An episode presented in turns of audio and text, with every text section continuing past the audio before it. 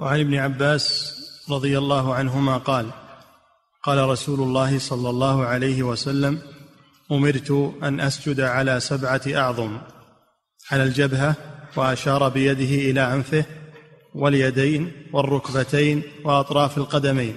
نعم هذا فيه أن النبي صلى الله عليه وسلم يقول أمرت يعني أمرني ربي أمرني ربي والأمر يفيد الوجوب.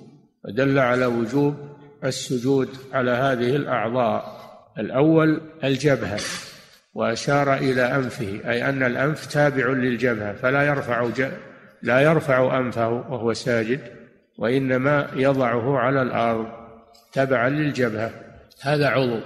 الثاني اليدان بأن يضعهما يضع بطون كفيه على الأرض ممدودة أصابعها إلى القبلة ومضمومة ويرفع ذراعيه كما سبق ولا يبسطهما على الأرض كالكلب.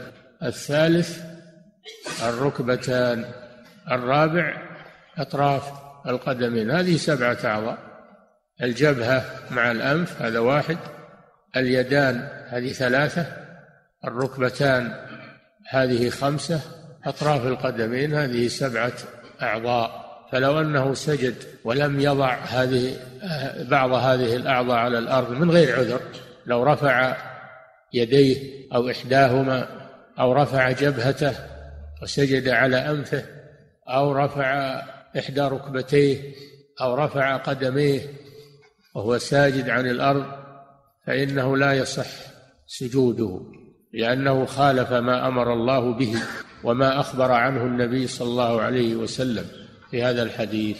أما لو كان عنده عاهة لا يستطيع وضع بعض هذه الأعضاء بسبب العاهة هذا معذور.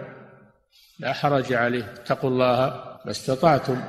وكذلك إذا تعذر سجوده على الجبهة فإنه لا يسجد على بقية الأعضاء بل يومي يومئ بالسجود.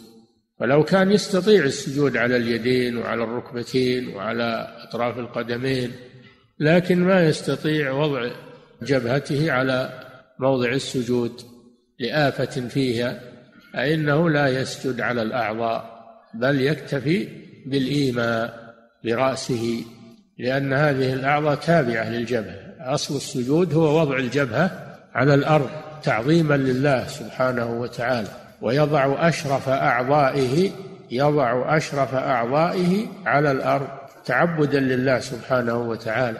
ولذلك السجود هو أقرب ما يكون إلى الله جل وعلا. كما قال عليه الصلاة والسلام أقرب ما يكون العبد من ربه وهو ساجد. وقال أما السجود آه، فأكثروا فيه من الدعاء فقمن أن يستجاب لكم.